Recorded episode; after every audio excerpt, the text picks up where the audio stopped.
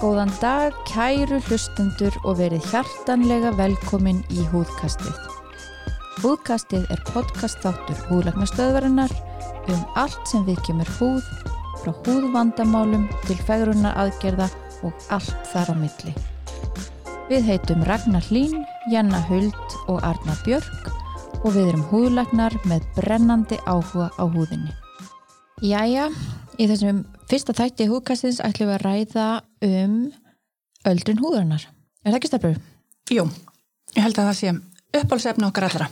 Já, Já, algjörlega. Án gríns, þetta er eitthvað sem að bara, þú veist, við fáum spurningar á hverjum einsta degi, ráðleggingar, bara, þetta er heitast efnið.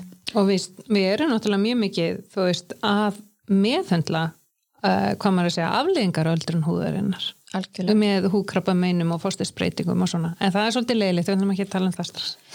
Nei, byrjum á að vera svolítið skemmtilega. Já, En þess vegna er líka mikilvægt að byrja á byrjunni þannig að maður viti svolítið hvað er að gerast í öldrun húðarna áður maður fer að útskýra fyrirbyggjandi meðferðir, hvað er þetta að gera, hvað maður á að forðast og það ætlum að taka fyrir í öðrum þáttum. Þannig að við byrjun frá grunni. mm Já, við sem þetta eru náttúrulega eldastöll og, og, og eigum að sjálfsögja að vera þakklátt fyrir það. Er það ekki? jú, við erum það, það er svo sannarlega. En, en uh, húðin er náttúrulega talin endurspegla innra heilbriði og uh, fólk leggur áherslu á að uh, hugsa um húðina og húðin er stærsta lífari mannsins. Já, það er líka svolítið svona gaman að þú komir inn að innra heilbreyði því að það er nú betur fyrir svona aðeins breyst, breyst með tímanum. Eða ef, ef ég voni því séu sammála að það var náttúrulega tali verið mjög heilbreytt að vera brún hérna að þá er það svona endurspegla að þú værir heilbreyður og ég svona vona og mér finnst að vera breytast. Já. Það er að breytast. Ég held að klárlega að það sé að breytast. Já, Náttúrulega þegar við vorum uh, ungar eða á, á hérna, táningsaldri þá varst ekki maður með mönnunum og væri bara kaffibrún og það voru allir í ljósum. já, já. Það er efni í heilan þátt Það er efni heilan þátt, já. já. En sem sagt í, í, í þætti dagsins ætlum við að taka svolítið fyrir uppbyggingu heilbriðar húðar og mikilvæg þætti hennar hvað nákvæmlega gerist í húðinu þegar við eldumst og af hverju það gerist Tölum svo einnig um ytri og innri áhrif þætti, það er að segja sérstaklega sólina og, og það er margt annað sem kemur að inn í, inn líka. Og svo áður en að við e, settust nú hérna niður og tókum upp þennan þátt, þá e, báðum við um að fá spurningar á Instagram síðu húðlæknastöðarinnar og það var mjög ánægilegt hvað voru margir sem sendi inn spurningar. Já, við fengum, fengum ótrúlega mikið af spurningum Við ætlum að, að reyna að svara uh, megin hluta þessar spurninga í lok þáttarins um, og munum gera það í hverjum þætti.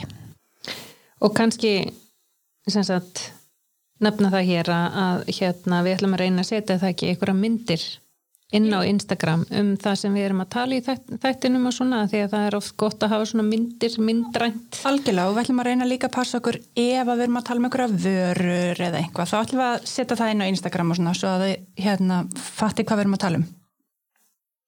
En hva, hvað segir Stelbjörg, hvernig, hvernig er húðin uppi? Hvernig hefur við að útskýra þetta fyrir fólki? Herðu já, um, húðin eru svona þrjú húðlög, um, já, upp, uppbyggð af þremur húðlögum. E, og ysta lagið, þú veist þetta sem við sjáum, það er yfirhúðin. Og þar er, þú veist, frumu enduníunin og, og hérna þar sem að hlutinir svolítið gerast kannski. Um, þetta er rosalega þundlag og um, er aðalega uppbyggt af sko húðfrumum og litafrumum. e, og húðfrumurnar þarna er að framleiða efni eða prótein sem heita keratín. Og, og það er svolítið mikilvægt því að það er í raun að verja undirlíkjandi vefi fyrir veist, efnum í umhverfin okkar örfurum og vatni. Þannig að keratínið veist, er mjög mikilvægt okkur gerur okkur vasald svona einangrunar efni Já, nákvæmlega, nákvæmlega. Um, og svo eru, þú veist, húðirna, semst, eins og ég sagði að það er alltaf að endurnýjast, húðfrumurnar endurnýjast og ist í húðinni þá eru frumurnar bara döðar og, og hérna og svona vernda húðina líka uh, og frumurnar eru að endurnýjast. Munið hvað er endurnýjast á uh, löngum tíma eða stuttum tíma kannski frekar. Hvað er það að segja? ragnamandur Já, já, 28 dögum Algjörlega. En kannski ekki alveg vegna þess að hérna, eftir því sem við eldumst þá tekur þessi endun í en lengri tíma mm. og fer að hæjast á þessu öllu saman um, og hérna þannig að þú veist, já, þetta hæjast á öllu þessu ferli bara.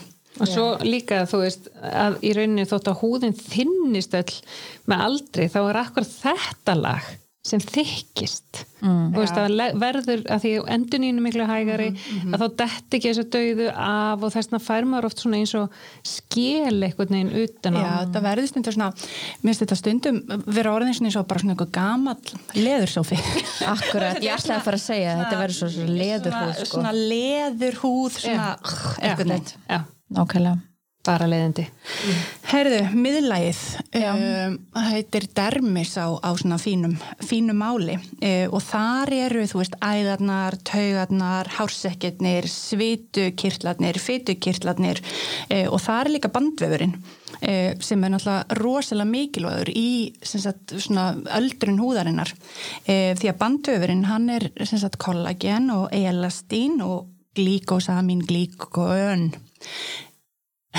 Velgert, þetta er flókjárið, þetta var velgert hér þetta. Þarna kemur svampurinn og það allt inn í eiginlega.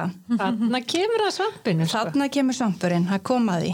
E, því að þarna er líka sko híaluronsýran í húðinni sem að hérna er svolítið eins og svampur því hún bindur raka í húðinni e, og heldur vögva og raka í húðinni en svo meðaldrinu þá fer að hægjast á þessu öllu og bara strax upp úr tvítu þá fer að hægjast á myndun hyalurónsýrunar og kollagensins og þessu og þá verður húðin svona slappari, þurrari og bara svona heila leðilegri en það er alveg ímislegt að þetta gerast til að svona fyrirbyggja þetta og hægja á þessu e, þannig að við förum nú kannski ræðum það hérna e, setna, eða ekki? Mm -hmm. Og svo er það, þú veist, einstalægið og það er undirhúðin eh, og þar er í rauninni bara fytulægið uh, og fytulægið er svona bara til að styðja hinn tvö lögin og, og venda og, og hérna og þannig er líka náttúrulega orkubyrðinar okkar. Fytan. Uh, fytan er nöðsynlegt þarna í húðinni. Akkurat, Já. það sem við viljum hafa hana. Já. Nákvæmlega. Og má líka þú veist, einmitt, þú veist með þetta þessi mikilvægu prótein og sem eru náttúrulega bara mjög inn þess að dagana, mikið tala um kollagen allstaðar, alltaf verið að tala um hvernig á örfa kollagen og hvernig virka það að taka það inn og, og svo frammeins að þessi prótein einhvern veginn, þú veist e, þetta er náttúrulega svolítið e, ef maður getur sett húðun upp sem bara dínu, þú veist, þá er maður með kollageni sem svona grindina, eða ekki? Jú, mhm. stóðgrindina. Stóðgrindin, mm -hmm. svo koma gormarnir í elastínið, mm -hmm. þessi tegjanleiki, þú veist að, að hún tegist svona og svo er það svampurnina örnu. ha, þannig að þetta er eiginlega, þá er svona, uh, mér finnst þetta svolítið svona að gefa góða myndaði hvernig þetta virkar. En þetta er mjög góð samlingika. Ég var ekki búin, ekki búin að, ég hef ekki heyrt þetta frá þér á þér. Þetta var nýtt. Þetta var eitthvað nýtt. Ha. Það var mjög gott, sko. En hérna, hvað segir með kollagenið? Já, kollagenið er, er eins og, eins og Janna sagði ofbáslega mikilvægt og, og svolítið svona mál-málana núna. Það er varlega hægt að fletta blöðum á þess að segja að vera að tala um kollagin Nákvæmlega og þetta er bara einmitt talað um þetta á hverjum degi eitthvað sem spyr, þú veist virkar að taka kollagin hverju svarið þið? Mm. Ég eh, er svolítið búin að leggjast yfir þetta og, og fræðigreinar og, og það sem við segjum litteratúrin svona til þess að reyna átta mig á þessu af því að þetta er svo gífurlega vinsalt hérna og, hérna, og viðkvæmt mál og líka viðkvæmt en við svona eftir að ég eh, fóri gegnum gögnin og, og, og setti þetta svona saman að þá er í rauninni ekki nægilega sannanir fyrir því að kollagen til intöku hafi neinn áhrif á húðina mm. allavega ekki eins og er og það er rannsóknir sem eru byrst að þær eru oft litlar og jafnvel eh, sagt, fjármagnar af fyrirtækjunum sem er að framlega kollaginu og svo rannsóknir trúum að náttúrulega ekki. Ekki. En uh, hjá eldra fólki sem er vannært sem þetta vantar prótein að þá í rauninni hefur, sína rannsóknir að þetta styrkir húðina og bætir bætir hana. Og liðina hef ég líka lesið að, að það hefur einhver áhrif á liðina. Já, en nei, ok. Það er ég, ég hef rætt þetta við hérna, kom bara svona svipur á Jennu mm, mm, ég til dæmis rætti þetta við bekkjabróðum okkar Ragnar Gíktlækni já, og, og þeir eru ná því að það er ekki nægilega uh, Nei, Nægilega og það er náttúrulega, þú veist, við erum læknar, þannig að við ver, verðum alltaf, við viljum hafa rannsóknar á bakvið þar sem við erum að mæla með og tala um. En ég menna, svo eru sögur, þú veist, það er fólk sem finnur mun á sér á húðinni eða, eða liðum og þá bara frábært, en, en þú veist, þetta er erfitt fyrir okkur að vera að mæla með þessu, en, en Að ég held þetta, samt getum- að, þú veist, þetta er ekki að, sag, þú veist, þetta er ekki að skaða neitt, sko. nei, nei, alls ekki. Og ég meina á meðan að það er ekki til eina stórar uh, tvíblinda rannsóknir á þessu máli að þá getum við kannski ekki dreigið einhverja góða álugtin á þessu. Nei, það er við svolítið bottom line. það er bottom line algjörlega samanlega og við sem fagaðilar við getum ekki mælt með ykkur nema að vera með eitthvað almennilegt í höndur akkurat, Algjörlega. þannig að við, maður er ekki að segja að það sé ekki rétt að sem ég finni mun þetta er bara eins og með allt ef að fólk tekur liðaktín eða astasan eða kollagen, allt þetta sem eru flokkundi náttúrlif þá er maður í rauninni þú veist maður er ekki segja að það sé ekki satt En mér finnst ógeðslega gott að hafa með kollagen út í kaffamótnana. Það verður ógeðslega creamy. í alvöru Gæðveikt gott. ok, Já. það sem ég sé alltaf fyrir mér þú veist, nú er maður kannski bara eitthvað nú, ég ætla að heyra hvað þið segi þú tekur einn kollagen og þetta er í rauninu bara stórt prótein. Þetta Við er erum með risastórt prótín. risastórt prótein sem náttúrulega kemst enga veginn í gegnum húðina þegar þú berði þetta á húðina. Nei, en svo borðar þetta og þetta fyrir hún í magaðinn þar erum við með magasýrur. Og brýtu niður kollagensamindina alveg niður í amino, aminosýru mhm. Og svo tökum við þetta upp í blóði mhm. Er þess að aminosýru mertar að fara í húðin Nei, það held ég ekki. Jó, postnúmer. Greinilega vesturbærin ég, ég, ég hef Nei, verið er að Já, algjörlega, ég er algjörlega sammála þessu. Maður sér fyrir sér að, að þú ert í rauninni bara að borða prótein sem að er ég meina, það er gott fyrir okkur að borða prótein og, við þurfum öll Já. en þetta er bara prótein nýri aminosýru einingar sem eru teknar upp og við notum þær en að þær komist nákvæmlega út í húðina ég hef Það er allan svolítið ekki að- mikla trú á því. Erfitt að sjá fyrir sér hvernig það er að gerast en hérna, við skulum sjá, það vonandi kannski koma fleiri rannsóknir og, og svona meira sem er í gangi. það gæti verið, Um, þetta er náttúrulega svolítið svona eldfund efni, þetta er mjög eldfengt en hvað með hyaluron-sýruna að bera hana á sig? Sko þarna er, er líka ekki nægilega rannsóknir sem sína að, að kannski að þeir gera eitthvað svona anti-aging en þa- það er bara sem sagt, í rauninni sanna að þetta molekúl það, það ge- gefur góðan raka og þetta er, þetta er hlutlusraki sem það segja ertir yfirleitt ekki húðina þannig að þetta er yfirleitt gott fyrir allar húdtýpur þannig að sem í rauninni serum sem raki held ég að, að, það, að þetta sé fínt efni en það vantar kannski fleiri rannsnir sem sína að þetta sé eitthvað að gera í rauninni í anti-aging tilgangi. Algjörlega. Ég Hvað- finn, hvað segið þið? Já, ég finn allavega mun þegar ég nota hyaluronsyr og bera á mig, ég fæ dundur raka út úr því en, en þetta er náttúrulega þessi, þessi stóra spurning um hvað kemst í gegnum húðina og hvað ekki. Þú veist, ysta húðlagið húðþekjan uh, það eru þessar, þessar húðfrumur sem eru bundnar með um, svona tengjum á milli sín og, og þetta mynda, mynd, myndar opaslega þétt net og, og, Svona svo vendar skel. Já, þetta er, þetta er hálfgerð skil og, og, og, og það þjónar ákveðnum tilgangi eins og þú sagðir áðan Arna, þetta er til þess að halda burtu síklunum og, og passa því að, að vatni komist ekki inn og, og svo framvegis. Um, þannig að maður á kannski að vissu leiti erfira með að ímynda sér einhverja svona stórar, stórar samyndir í kremum komist í gegnum þetta Mhm. og það er náttúrulega eh, þessir eilíða diskussjón sem er í gangi Mhm. og það er eins og með eh, EGF vaksta þættina, þetta er stór sammynd líka, veist þetta er eins og Já. segir þetta er í uh, kollagenið og, og fleiri þannig að þetta er í mörgum kremum samt sem áður erum við líka með rannsóknir sem sína fram á árangur. Uh, hérna eins og Bioeffect fyrirtæki er með góða rannsóknir á bak sig. Já. þannig að, að við Það- vitum að það virkar það er eins og fari eitthvað kaskeitt, einhver, einhver örfunastað, Já. hvort að það er að mólikuli fari alveg niður í húðina eða sendi frá sér einhverja bóðleiðir og virki ferli í, undir húðinni. Já. það, maður, þetta, er, þetta er bara spurning sem að er ósvarað. Já. Sem við munum svara Já, sjálfsögðu Já, en mér finnst allan einmitt eins og þú sagði Ragnar með héloronsýruna, mér finnst þetta rosalega mikill, sko, rosa fínt raka búst og þegar maður setur á sig hérna serumið, þú veist, SkinCeuticals héloronsýru serumið að hérna að, mér- þú veist, ef, ef að húðin er þurr og eitthvað svona þá er þetta bara besti raki sko sem þú getur fengið. baða mig upp úr því Mhm. Haldur betur. Ha. Þetta er mjög gott. Nei, mér finnst það geggja og þú veist, á svona, við- þú veist, ég nota þetta eins og varasalva, mér finnst það rosa fínt þar og, og auksvæði. En en hvað segir stelpur? Hérna það sem að, að við vorum í rauninni að tala um er svolítið húðin undir eðlilegum kringustæðum ekki þegar við erum komin í eins og við vorum að tala um að með aldrei þá fer þetta eitthvað neginn að breytast. Og þá sem sagt í yfirhúðinni að, að þá hérna fara, fara litafrumunar að framlega þá minna litarefni eða það sem við kalla melanín. Mm og þá verðum við viðkvæmari, við náum ekki alveg að verja ykkur jafn mikið fyrir sólbruna eða sólinni.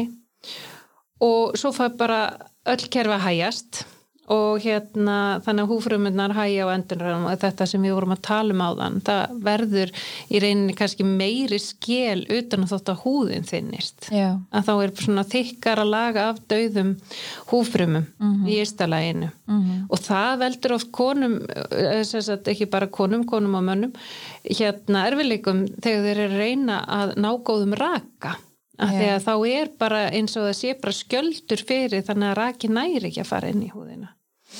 Og svo verðum við náttúrulega þurrari með aldrinum og út af því að, fytukíslarnir þeir framleiða miklu minni fytu og þessi eðlilega fyta sem að bara, bara smýr húðin okkar, hún minkar og þess vegna þotnar húðin.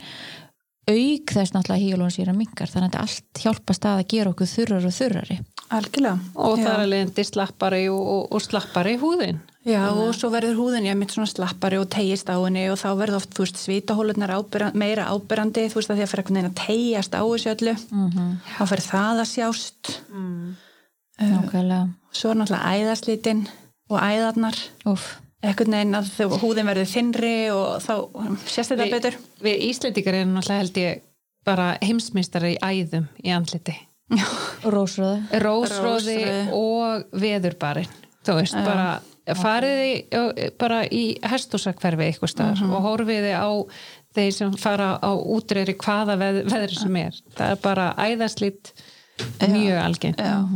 og ég man alltaf þegar við keiftum síðasta æðalessi sem við fengum inn nýjan en bara hvað, tvö ár síðan og, og það var ítalskt uh, ítalskt fyrirtæki Já.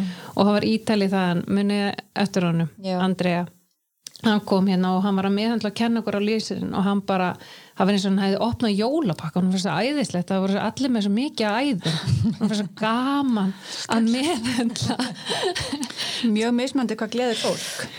greinilega. En þá fyrir, þú veist, maður fattar ekki fattar ekki munin sko. maður er náttúrulega bara að lifa í þessum heimi. Já, en mér finnst ég samt taka eftir sko meira af rósa á Íslandi heldur en til dæmis í Svíþjóð, ég veit ekki hvað þið segja um það. jú, er þetta er náttúrulega svo genatíst og Írarnir eru heimsmeistarar Já. og við erum náttúrulega bara komið það mikið frá Írón Já, við erum svona cirka 50-50 Já. Ég er alveg erum við ekki best í öllu? Alltaf. Alltaf, Auðvitað. heimsmynd í rósröð Nei, ég er alveg sammála, minnst miklu algengar í rósröði hér heldur en, heldur en út í Svíþjóð. Bara Klárlega. miklu.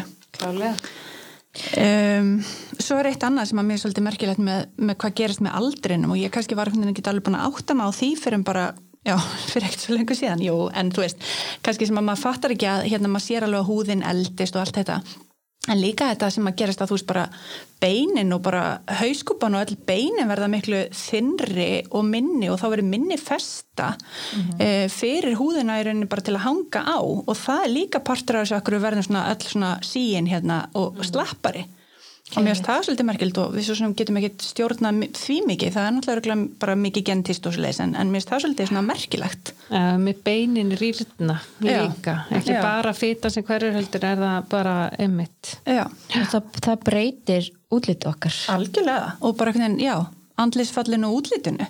Einmitt og, og þú veist að þá verður þetta allt hérna sem allir að tala um allt þetta slappara og hérna króníski fílisvipurinn á andlitinu og, og allt þetta, þú veist, það er rosa mikið það líka. en, en hérna það er, eh, já, ég held að sé ekki hérna, spurning um að, að, að hérna eh, erðir hafa eh, áhrif á húðina hvað rattun uh, eldist. Já, Já, og, en svo er alveg fullt, fullt hægt að gera til þess að hæja á þessu. Algjörlega. og mér finnst alltaf jafnmerkilegt þegar maður fæ til sín uh, einstaklinga um 60 sem eru með sólarónami og hafa bara þurft að forða sólina alla sín æfi og maður bara vá hvað þetta er bara hvað húðin er ótrúlega flott Algjörlega. og einmitt, já, konur sem eru kannski með ofsalega föla og þú veist, svona mi- þessa mikið ljósi húð og, og svona eldröytt hár, það er oft konurna sem eru með sko fáranlega flotta húð þegar þeir eru hérna 60 ár. Mhm. Þú veist, það er ekki rukka á þessari húð. mm hvað sólin hefur mikil Já. áhrif Já. bara ótrúlega, ég held að það sé svona fyrir utan erðir er það þátturinn sem að bara getur upp húðina Sólin, Já. sólin, það er náttúrulega 90% af ótímabæru öldrun húðurinnar er út af sólinni. Það er bara vísindalega sanna. Já, þú komst með töluna, þú kemur með töluna Já, já, já, ég með þetta hreinu, sko. Og hérna, eh, eitthvað sem við náttúrulega erum að berjast mjög mikið fyrir. Við erum sífælt að agitera fyrir að fólk noti sólavörn, hægri vinstri. Algjörlega En, en hvað segir stelpu, hvað, hérna, ef við förum aðeins í gegnum, hérna, hvenar, á hvaða aldri er maður að sjá svona þessar mestu breytingar? Hvað segir þið? Hvenar, Vi- hvenar byrjum við að eldast? Viljum við ræða þetta? Ó, ég vil ekki tala um þetta held ég. Um, Um, jú, það er í rauninni ég fannst það samt, sko, ef maður tala fyrst bara fyrir utafræðin, bara svona persónlega mm þá fannst mér það ekkit sko, ég fattaði ekkit að ég væri að eldast. Mér fannst ég bara vera bara fín, en svo var þetta svona upp úr 35 eða eitthvað svona 37 eitthvað svo leis, sem að ég fór einhvern veginn svona að spá í þessu að það væri nú örgulega svolítið breyting á mér. Já, Já, en þetta gerist samt miklu fyrir maður bara tekur ekki eftir. Maður tekur ekki eftir því, Nákvæmlega, er það ekki máli? Jú, maður tekur ekki eftir. En það sem að mér finnst ég sjá uh, og sem betur fyrir sér maður ekkit brjálæðislega mikið af því en, en þú veist það er að koma stelpur uh, sem að manni finnst mjög ungar kannski 28 ára, 30 ára stelpur um, sem að maður sér bara strax sko, þar sem að hafa verið mikið í sól og mikið, og mikið í ljósum Já. maður strax farin að sjá hvað húðin þeirra er miklu eldri heldur en á jafnöldri þeirra því að þetta er náttúrulega bara mjög ungar konur já.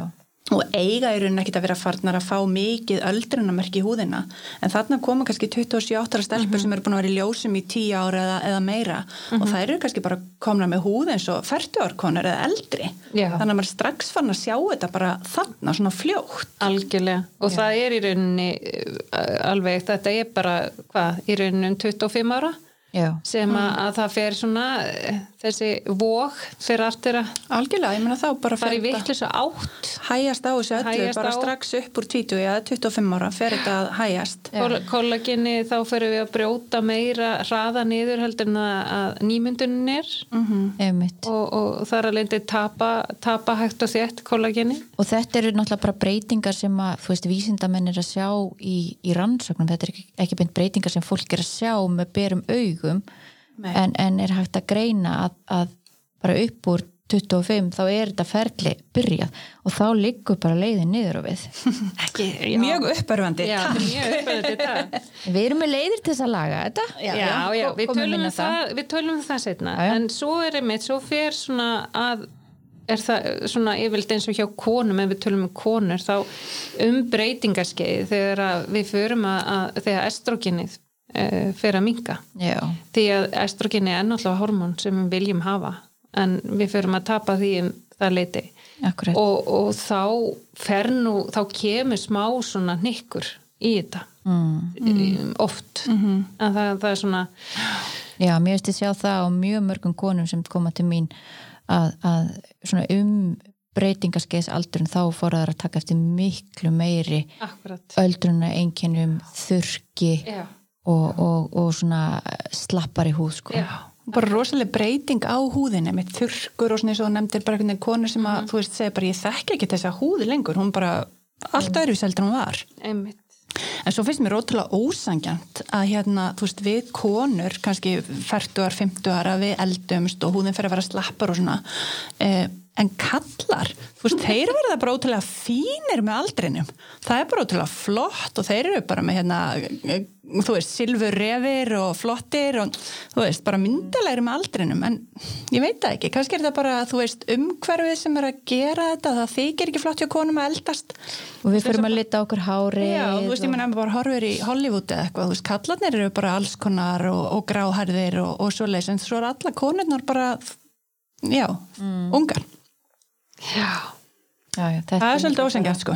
Nei, það er svona menningi svolítið, ég held að til dæmis eins og hér á Íslandi held ég einhvern veginn almennt að konur svona eh, eldist bara með reist eh, sem sagt Algjörlega. að það eru nú ekki að tapa sér í einhverjum svona Nei.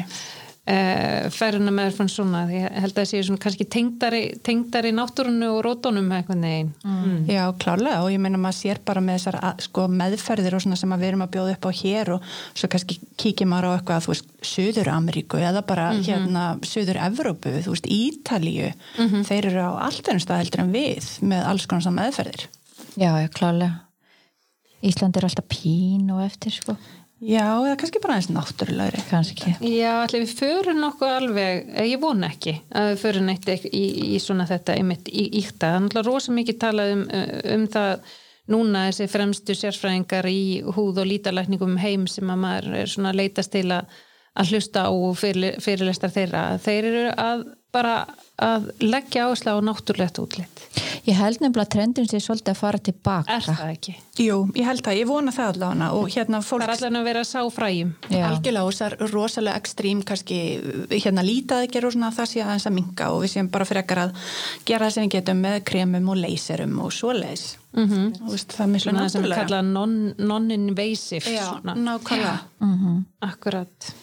En ég var, ég var að kíkja hans á hvað, hvað hefur áhrif á öldrununa Ég var að tala um eitthvað annað en sólina, meinaru. ég held við verðum að eða svolítið tími sólina Ha. og náttúrulega er það sem skiptir lang, lang mestu máli af umhverfistátunum Já. það er ekki hægt að segja annað Nei, og ljósabekkinir eru náttúrulega skelvilegir þeir eru eiginlega bara verri en sólin. Munverið, þú ert náttúrulega með miklu meiri UFA geisla. Já, ég, ég segi það að alla, alla ungu einstaklingarna sem komið til mín og er í ljósum, ég segi bara þetta er bara miklu verra heldur en sólin. Þetta er náttúrulega batsist tíma því þeir komu náttúrulega með þetta á markað sko, þegar, þegar þetta var ko, koma markaðin þá, held, þá heldu í alvörinni, þeir heldu að B-geislanir væri krabbmessvist af aldandi Mm. en ekki A-geislanir þannig mm. voru, þú þú veist, heldu að ljósabekkinir væru saklusir Já, já, En svo er náttúrulega aldils annað búið að koma upp að daginn. Þannig að manni finnst þetta af hverju er ekki búið að taka þetta úr nokkur. náttúrulega so, tíni sortuæksla sko fór upp fyrir ég veit ekki hvað Hér á landi. Já. Já. eftir að ljósabekkinni kom og sérstaklega í ungum konum Já. algjörlega sem betur fyrir hefur þetta verið að fara niður farið niður en samt komur á óvart hvað það eru samt mikið af svona ungum krökkum sem er að stelast í ljós og þú veist þá er ég að tala um svona framhalskóla aldurinn þessi krakkar sem eru svona bilinu hérna 16 til 20 ára þau eru að fara í ljós. Kannski missa þetta eftir skólum, ég veit það ekki en, en mér finnst þetta að vera, Heyrðu, komur já, óvart sko. ég, ég hef heyrt, við erum nú með innanbúa fólk hana einum skóla sem var eitthvað fyrir eitthvað ball sem er kallað eitthvað skinkuball eða eitthvað svoleiðis að það er nú bara tilbúið ljós já, spæði því. Fyrir krakkana, mentaskóla krakkana. Jú, án gríns. Og þá er bara tilbúið ljós til að gera sér fína fyrir þetta ball. Þetta er 2020 stelpur. Ég veit að þú veist, það er það sem að maður svona ah, skilur ekki sko, af því að núna veit maður hvað þetta er hættilegt og svona, þetta er búið að breytast frá því að við vorum krakkar og táningar, var ekki alveg eins þekkt. Já, bara einn tími ljós eigur bara e, áhættið þína á sortæðislega æfin um nokkuð prósent sko. Spáði því, það er Það er bara búið að sína fram tölur. á það. Já, Ég, hérna, ég ætla að minna ykkur á að ég, ég vann á sólbastofu. Já, það er hætt í svona rauð þar með ljósa húð. Já, það, hérna, ég býð eftir að eitthvað gerist, sko. Nei, nei, það þarf ekki Ég veit ekki hvað svo oft ég hef brunnið. já, já ég menn og við erum líka svona að þeirri kynslu og það er mitt að það var verið að fara í ljós fyrir fermingu, spáði ég að það var einhverju krakkar í dag að fara í ljós fyrir fermingu, það væri bara badnaðendanemnd örgulega komin í Já, málið. ég meina Það ljós- Senda badnið til ljós fyrir fermingu. En ljósabekkir eru náttúrulega bannaðir innan átján, Já. gott lögum. Ég veit Já, en þar voru við Íslendingar langt undan. Reyndar, já. sem var bara frábært Já. svíjarnir þegar við vorum út í Svítjóð þá voru þeir að öfunda, öfunda okkur að þessu svo er þetta komið hjá þeim held ég núna Svíjar eru náttúrulega rosalega sól sjúkir. Uh, þú veist, með þetta hvíta hár sitt og bara þurfa að vera kaffibrúnir alltaf, þeir eru Mhm. Svolítið ekstrím, en það var miklu meira um alls konar uh, breyt, sólarbreytingar í húðinni, illkenja frumur og hérna breytingar heldur en maður sér hér, maður sér alveg nógu mikið hér, en það var tölvört meira fannst mér í Svíþjóð. þetta var náttúrulega bara kultúrsjokk Já. fyrst að fara þarna, ég var náttúrulega á vestkusten það var bara margir sem ólust upp á eigunum og voru bara ólust uppi það að fara út á vorin og skadbrenna og vera lagðir í jógurt í marga daga og eitthvað svona og, og til þess að venja húðina, herða húðina fyrir sumari.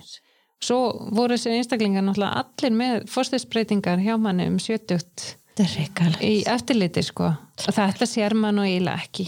hér. Nei, það er nú alveg undan teknikin ef það er Já. eitthvað sem er svona sólskaðaður sko að, að maður eins og maður sá úti Mm ég myndi segja það en, en, en vitið þið hérna vitið þið hvað geislatni gera við húðina? Nei, ég veit ekki. okkur. Á ég að segja ykkur Já, Ég spennt. já. Heyrðu, Eða þeir, okkur tölur.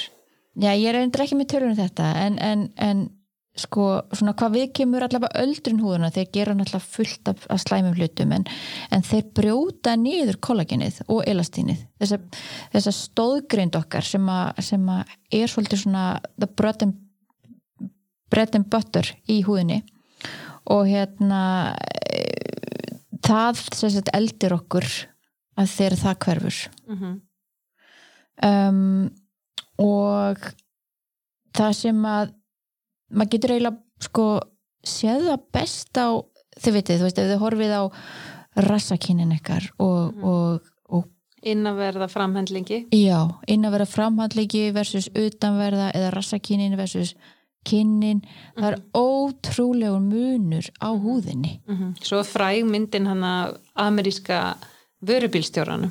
já, Við þurfum að setja hann á Facebook, Við verðum Instagram að, eða já, Facebook verðum að setja það. Að, það er náttúrulega bara, það er ekki smá dramatískur munur. Af því að þá er það hvað, hann, hann satt, þetta var þá væntalega vinstri hliðin já, sem að, uh, var alltaf í glugga já. þegar hann var að keira og hægri þá í skugga. Skugganum, já. og það bara aðgeislarnir fara náttúrulega í gegnum rúður aðgeislarnir sem nota í ljósabekki svo er tölun og ennþá ítla um ljósabekki.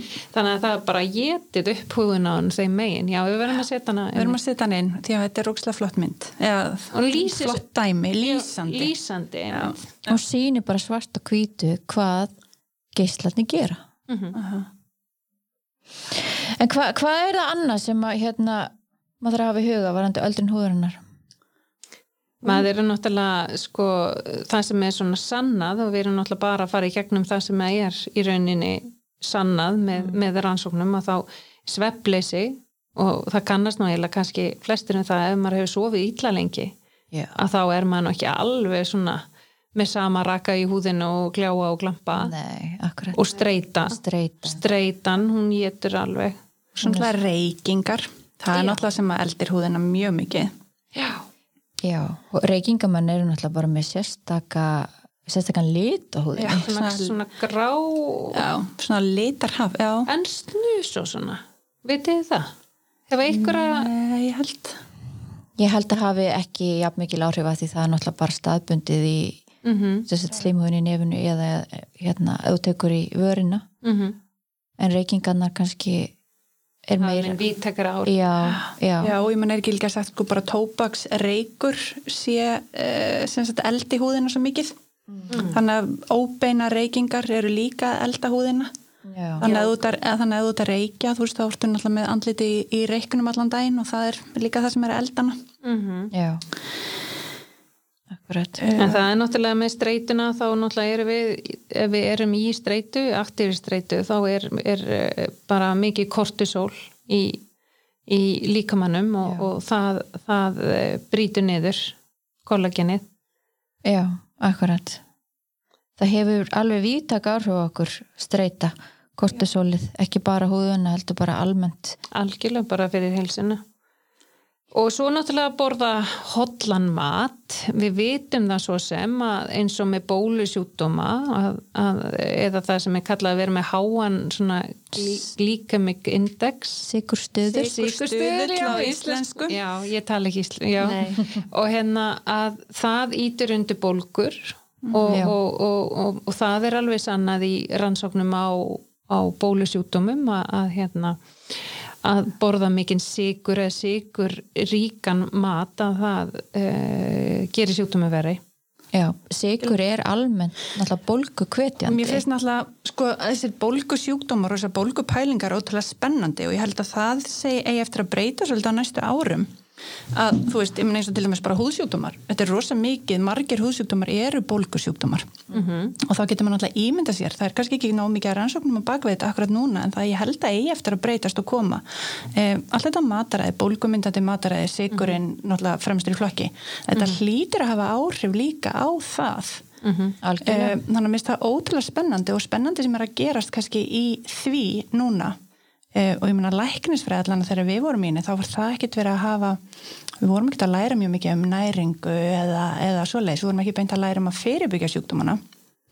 Nei, vorum allavega. Við vorum meira að læra um sko hvernig maður getur eh, lækna sjúkdóman og hvað maður getur gert þegar sjúkdómanir eru þegar komnir, Já. Eh, og mér, þú veist eins og ég segi, mér þetta ótrúlega spennandi og ég hugsaði þetta eftir að breyta svolítið á næsta árum Já. Já, ég samanlega við, við þurfum endilega að taka eitthvað þátt líka sem við tökum fyrir bólgusjúkdóma í húð -hmm. eins og rósróða og bólur og, og perioral dermatít þetta er mjög, mjög skemmtilega pælingar. Mm, algjörlega. Algjörlega. Já, en hvað meira, var eitthvað meira sem er svona að elda húðina? Og svo náttúrulega er alltaf verið að tala um eins og við erum með hérna, þú veist þessa hvað heitir þetta, hvað er þetta þýtt sem? Syndurefni? Já. fríur frí- Fríur aðtekar, syndirefni já.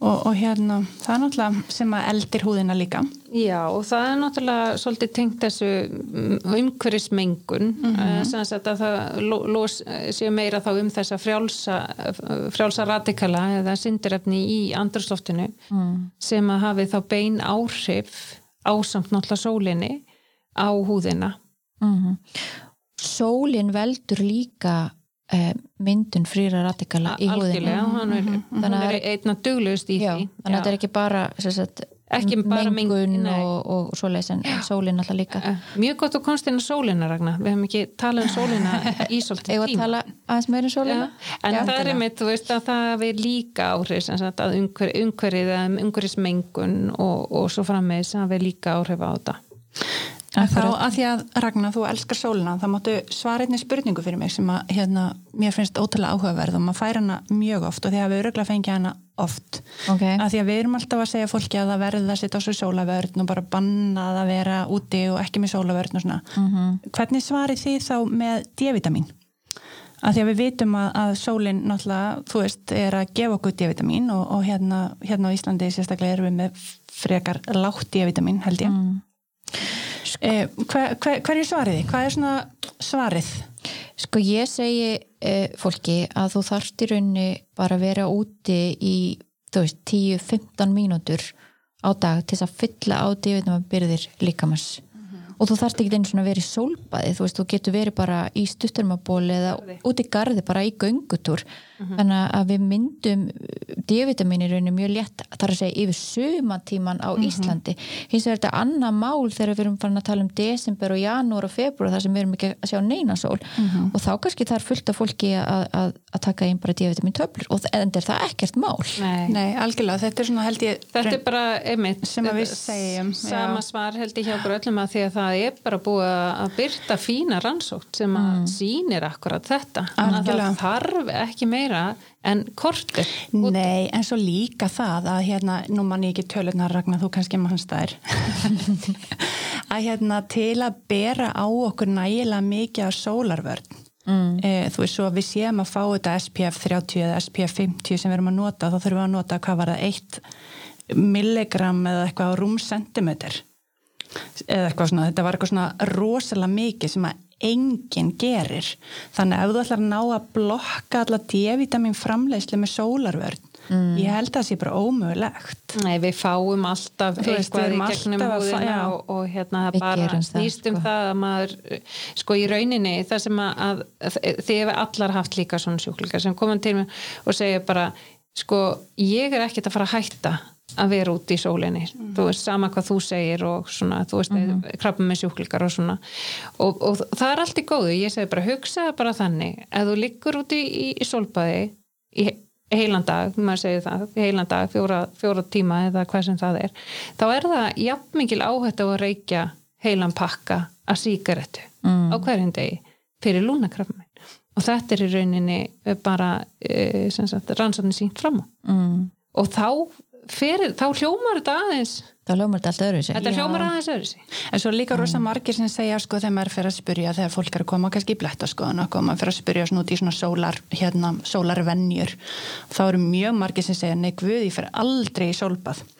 Eh, og svo kannski sér maður að viðkomandi er nú fyrir eitthvað dökkur eða þú veist útitekinn og, og svo þá fer maður að spyrja eitthvað meira og þá er þetta kannski manneskja sem að fer í tvekja tíma göngutúr á hverjum degi eða er að þú veist út í garði að hérna sinna einhverju garðvinnu í marga klukkutíma dag. Mm -hmm. eh, það sem fólk áttast ekki alveg á því að þú ert útsettur fyrir geislun alltaf þegar maður er úti. Nákvæmlega. Og líka þegar það er skíjað já, það er það sem að fólk er ekki alveg að fatta. Nei. og sérstaklega auðvaf aðgeislunir þeir eru í gangi nánast allan ásins ring allt, algjörlega. Þannig algjörlega. að við þurfum að verja okkur. Já, já, og sólinn gerir heldur engan greina minn á því, þú veist, hvort þú liggir í sólinni eða hvort þú sér bara hérna, þú veist, bárandi með bakið upp, uh, þú veist, að, að róta í ykkur beði, sko. Nei, svo er sama sólin hér á Íslandi og í útlöndum Já, er það? já. Ó, við erum alltaf að læra eitthvað nýtt. Jú, það er svona margir sem segja ég ber alltaf á mig sólaferð þegar ég fer til útlanda. Já, Já. Hafið ekki heyrt þetta? Það er klassík. Herra, ég segi ykkur, það kom til mig maður hérna ekkert hjá hann, e, svolítið fyndið að hann býr, býr út á Spáni hann kom bara til minn í blettaskoðan fyrir eitthvað, þú veist, nokkrum árum síðan hérna. Og þá var hann, ég voru að spyrja hann út í sólavörn og svona, hann bara, já, þú veist, ég er búin að út á Spáni í fimm ár, ég hef alltaf passað mig sjúglega vel, hef aldrei brunnið og passað mig, er með svo, hérna, föla húð. Eh, en svo núna í sumar þá var ég á Íslandi, þá var hann sérst á Íslandi og var eitthvað að hjálpa pappa sem að byggja eitthvað bústa, þú veist, eitthvað upp í kjósi eða eitthvað. Og þá var hann bera ofan bara eitthvað heila helgi að byggja bústað og hann brann svo hrikalega, hann þurfti að fara á bráðmóttökuna yeah. eh, og þú veist, kaltæðnislegt skilur búin að búa Spáni í fjögur eða fimm ár ekki fengið sko róða svo ekki bara fattar hann ekki þú veist, hann er á Íslandi og gleymir að bera á sig og bara lendur á þannig að, Þetta er ekki fyrsta dæmi samt Nei. sem ég heyra kallmönum að setja þak nei, á sumar í alvöru. Það er bara svona að því að endurkastið er svo mikið. Þetta er bara, ég veit á, neina fólk, maður fattar ekki svona alltaf loftitin sem að platar okkur, það verður aldrei svona kæfandi Þetta kæ- hiti, maður kælist veist, þannig að maður einhvern veginn endist út í svo langan tíma og svo bara allt í einu er fólk orðið skaða brunnið. en hvað segir þið, hvað á maður að gera? Hvað hefur við ykkur ráð? Að því við erum nú bana búin að vera hérna, að tala um að allt síi og allt verið slaft og, og, og sólinn sér slæm. Erum við með ykkur að punta eitthvað sem við getum gert til þess að fyrirbyggja. Já, algjörlega. Það er náttúrulega nummer 1, 2, 3 að passi í sólinni. Er það? Já. Það er algjörlega, ég þreytist veit aldrei ekki á að hvort það segja er þetta komist í skil í sem þætti en það er gott að því. Akkurat. Og, og þá að velja þess að sólavert sem er að minnstakosti með 30 SPF helst 50 og, og passa að þetta sé breyðvirkvörn og þess að þetta er þá bæði gegn UFA og UFB geislum uh, náttúrulega ekki að fara í ljós. Nei, Ó, það ég var að kaupa með kort. Er sælan. Hvað ég gera? sorpastofan sælan. Ekki reykja, ekki fyrir ljós. Nei og bara þú veist reyna að borða holt og sofa og reyfa sig, ég held, þú veist, reyfinga líka rosa góð, því hún kemur blóðinn á flæðingu og, og hérna, maður verður allan miklu frísklæri þegar maður er svona smá hérna, búin að reyfa sig og húðin verður fallegri algjörlega, Já, reyfing skiptir mjög miklu máli. Líka til þess að draga úr streitu. Heldur betur. Hmm. En hérna, við tölum náttúrulega aðeins að áðan um erðirnar. Og hérna, og það er svo sem ekkert, fer ekkert að milla mála að erðir spila hann inn í, í við eldumst. Við fengum með mitt eina, eina góða spurningu á Instagram uh, það sem var spurt hvort að erðir hafi áhrif á hvernig húðin okkar eldist og, og svarið er svo sannanlega já um, oft á tíum getum við náttúrulega bara hort á fóruldra okkar og, og séð svolítið hvernig við verðum.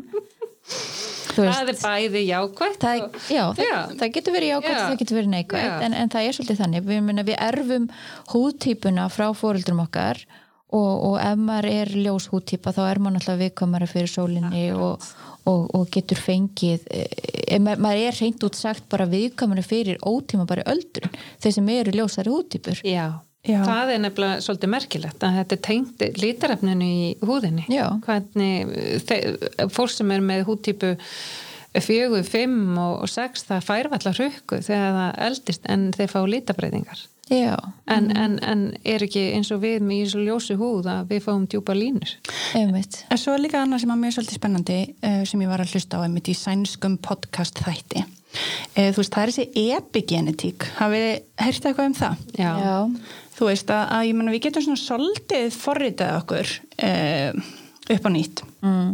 Að ég menna þó að það séu allir í fjölskyldinu sem að fá hrukkur og, og hérna líta út, þú veist, eru bara orðnir fullorðnir og, og gamlir 50-ir, þá getum við alveg gert ímislegt við sjálf til að aðeins að breyta þessari, hérna, gena, þessari genamynd. mm. Um, þú Og- veist, Alls, al, al, klárlega og ég meina þar ættu við að setja inn aðra mynd að týpurónum hana frá Já, Það. Eru nú, þær eru nú bara tvíburar og, og önnur fór bara mjög vel með sig og lifði heilbriðu lífi og hinn ekki já, og það var bara stór munur. önnur notaði sólaverðn á hverjum degi og hinn ekki. Og reykt. Og reykti, Já, reykti, já. nákvæmlega. Þannig að við getum alveg haft áhrif á Að þetta sko, þannig að hérna, maður þarf ekki að leggja árar í bát þó að þótt að, þótt að maður líti á fjölskyldumyndina og bara, bara en voru ekki einhverja fleiri skemmtilega spurningar hana frá uh, Instagraminu? Jú. Jú, heyrðu, það var hérna kom spurning með, með svona brúna bletti í andliti. Uh, hvað það væri og hvort það væri eitthvað hægt að gera í því. Um, brúni blettir í andliti, þetta náttúrulega getur við svo sem verið hvað sem er, en, en mikið kannski algengast er það sem að við sjáum eru svona þessir sólarblettir Mhm. eh, sem er sólin bara hérna í gegnum árin sem er að valda því. Mhm. eh, og það er náttúrulega hægt að fyrirbyggja það og, og hérna með því að vera duglegur að nota sólavörn um, og hérna en svo þegar að blettirnir eru nú þegar komnir þá er hægt að gera ímislegt, það eru til dæmis krem sem að eru með svona eins og halgerðum aflitunar efnum sem að geta líst þessa bletti og, e, og leysir meðferðir og alls konar svoleiðis en þetta er alltaf best að reyna að vera duglegur með sólavörnina til, a, til að hindra þetta því það er auðveldar að gera það heldur en að fara að vinna í þessu þegar þetta er komið. Um, nú svo er líka til aðra gerðir að, að dökkum lítabreitingum í húðinni til dæmis þetta sem við kallum melasma er það eitthvað, hvað, heitir það eitthvað íslensku? meðgöngu maski Meðgöngum maski, og akkurat kallmenn fáta líka. Já, og það eru svona meiri kannski oft hormónatengdar lítabreitingar sem að mötu sjáum oft hjá kannski konum, algengar hjá konum þó að kallar geti fengið þetta líka. Mm oft í tengslum við meðgöngu eða ef þeir eru að byrja eða hætta á getnaðavörn, svona hormónagetnaðavörnum um, og það er kannski svona sem er stundum erfiðar að eiga við en, en hérna þar spilar sólavörnin bara líka rosalega stóran hluti þetta fer í gang af sólinni og, og hérna Já, við köllum þetta náttúrulega sólarflekki þegar við Já. sjáum þetta koma á, á eh, já, hvað segjum vissan aldur, þetta er svona um færtut eða svona upp úr kannski fymtut sem þetta fer að og, og á þá staði þar sem sólinn skín mest. algjörlega á þessa já, og þá í rauninni er þannig skemmt í húðinni að að það verður ofjölgun á lita frumum á sama stað þannig að það komið þessi dökku plekkir. En, en hérna hvað uh, ég held að melasma er svo algengt við þurfum að gera eitthvað sér þátt Við þurfum að það gera eitthvað sér þáttum Já, gerum melasma það. ég held við gerum það og hérna, já, af því að það er nú alveg ímislegt þetta að gera. Já. Þú veist, við getum Já. alveg, það er hægt að Það er gera von. Já, algjörlega. sko. Mér langar að skjóta einu inn í varandi þessa brúnubletti að því það er náttúrulega algengum miskilningur sem við sjáum hjá fólki sem kemur til okkar og heldur að sé bara með sólabletti og svo reynist þetta að vera einhverju alltari blettir. Mm Algjörlega. ekki satt? Jú, Alltaf algjörlega. stundum er þetta bara einhverju svona það sem við köllum stundum ellivörtur eða já, það getur náttúrulega verið bæði. Það getur verið bæði, þú veist. En það sem að, að, að er mikilvægar að þetta getur náttúrulega verið forsti húkrafmins Já. eða jafnvel orða húkrafminni Algjörlega. og þá þarf að greina þetta. Já, já, og þess vegna er náttúrulega rosalega mikilvægt fyrir alla að fara reglulega í fyrsta lagi að skoða húðina sína sjálfur Mm. og fylgjast með breytingum og, og svoleiðis og líka fara og láta lækna skoða húðina sér reglulega. Mm. um, og sérstaklega það er einhver vaf einhvern breytingum áður um að kannski fer og lætur uh, meðhöndla með þöndlablettin á einhverjum stöðum sem að ekki er starfandi húlæknir til dæmis. Já, algjörlega Já, það er rosalega mikilvægt að vera meðvitaður og, og láta skoða þetta. Heyrðu, við fengum líka hérna mjög góð spurningu. Uh, ámar að vera með sólavörn á veturnar á Íslandi? E, þarna kemur já, þegar ma maður er úti algjörlega. Já, og hérna er það ekki samanlega jú, Jú, því að, að sjálfsögðu þarf maður kannski ekki einn sterka en, en hérna ef maður stundur útvist og fer á fjöll og þá ertu komið endurkast frá til dæmis snjó á veturnar og, og svo ertu hérna í mitt ef það verið skýðum eða eitthvað svoleiðis og, og hérna svo líka held ég þótt að ég, ég veit nú ekki til þess að sé eitthvað rannsóknir að sko um það en, en sólaverðin ver okkur bara líka gegn uh, veðrin já, þú veist, ver okkur bara gegn þessum ágangi vindinum, kuldanum og öllu þessu þannig að þetta er bara gott kuldakrem líka. Ég meina, já, algjörlega Er ekki sko. sammála? Jú, Jú. ég meina, algjörlega. Og sérstaklega held ég ef, ef að hérna, maður notar þessar það sem við kallum mineral sólavarnir Já, sem að hérna ég, ég útskýr alltaf fyrir, fyrir sjóklingunum mínum að það er til tvær te- mismunandi tegundar sólavarnir, mineral sólavarnir og kemiska varnir en mineral varnirnar mynda bara svona himnu utan á húðinni. Það er náttúrulega bara steinefni. skjöld. Já, mynda bara skjöld og, og það held ég að, vera okkur þá gegn líka bara veðrinu, maður finnur sko. það bara sjálfur að því að ég stunda miklu útvist og svona að það bara muna töluvert að, að ef maður gleymur mm -hmm. og svo held ég sko mikilvæg þáttu þarna þú veist, ég held að sé allt í lægi eða þú veist með dagkrem sem er með SPF 30 þú veist á vetunar á Íslandi þú veist, en, en ef þið horfið á munin á SPF faktunum í dagkremum mm. og svo sólavörnum, þetta er bara allt, allt öðru sér vörur, veist þarna ertu með, það er náttúrulega ekkert kontrollífis, það er ekkert eftirlit, það er ekkert verið að aðtuga, er virkilega SPF 30 í þessu kremi og svo Nei, framvegis, nei. þannig að það er oft sett bara svona slass af SPF í dagkremin og svona, Já. þannig að það er ekkert hægt að treysta því eins mikið Mhm. og kaupa raunverulega sólaut, þannig að uh, ég held að máli sé að finna sólaut sem er líkar sem Mhm. er, þið bara finnst gott að nota og, og fer vel inn í húðina Mhm. svona kosmetíst góð algjörlega Þú veist, ég segi oft við þegar ég fæ þess að spurninga að allan á Íslandi á veturna er kannski alveg nóg þegar maður er bara að skreppa í vinnuna og út í búð og eitthvað þá er alveg nóg að vera bara með, með þetta daggrinn sem varst að tala um þetta SPF 20 eða 30 eh, en um leiðum maður ætlar að fara að fara út í eitthvað útivist göngur eða skýði eða hvað er þá þarf maður að nota bara sólarvörn. Akkurat og við fáum líka svona spurningar um sko hvort það sé ekki nóg bara að vera með meik með sólavörn eða púður með sólavörn mm. og það er eitthvað sem ég mæli alls ekki með Nei, maður veit ekkert hvað eða mikið bara meik Nei, nei, eða bara meik, Nei. akkurat heyrðu, hvað segið þið? Já, heyrðu, erum við búin að svara svona Nei, hérna er einn góð líka. Ef maður fer í sólbað með góða vörn, eldist húðin meira en gengur gerist. Já, Já, en svar það er já. fyrir eftir hvert lengi sorpaði er það ekki? Jú, Jú, jú. Og, og, og nei, nei, ég minna það, já, að sjálfsögðu Ok, en það er ein önnur spurning í framhaldinu. Eða voru við búin að svara þessari? Hverju? Þessari spurningu? Já, svar er já. Já. það er ein önnur spurning sem að, hérna, mér finnst við, eða ég fæ oft, hérna, uh, er það bara að skada húðina þegar maður brennur í sólinni?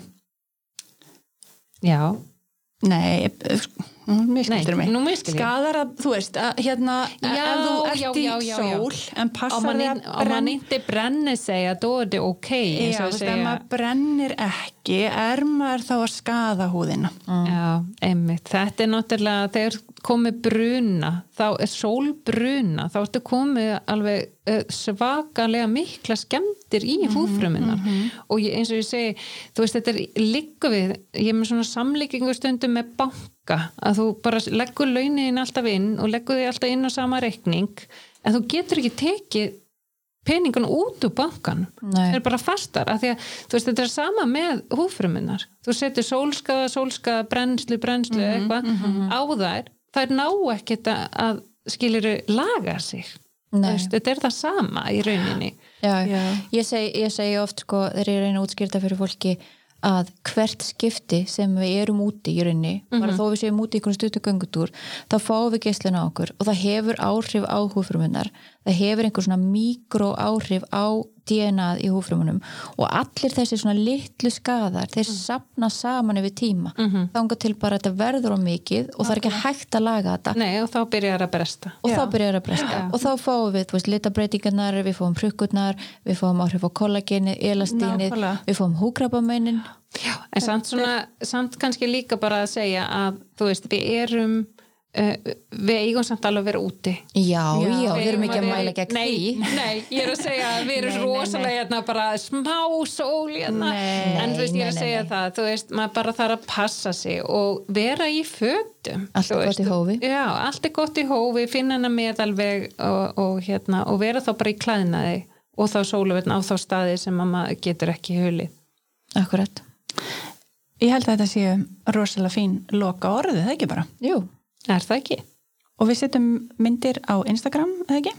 Jú, endilega kíkið á, á Instagram síðu húlegnastöðurinnar Og endilega ef það er eitthvað spurningar eða jafnvel eitthvað efni sem að þið myndi vilja að myndum taka fyrir og bara sendi það inn á Instagram síðan okkar og, og hérna, við reynum að svara. gerum bestu besta getu. Já, bless, bless, takk í dag Takk Bless.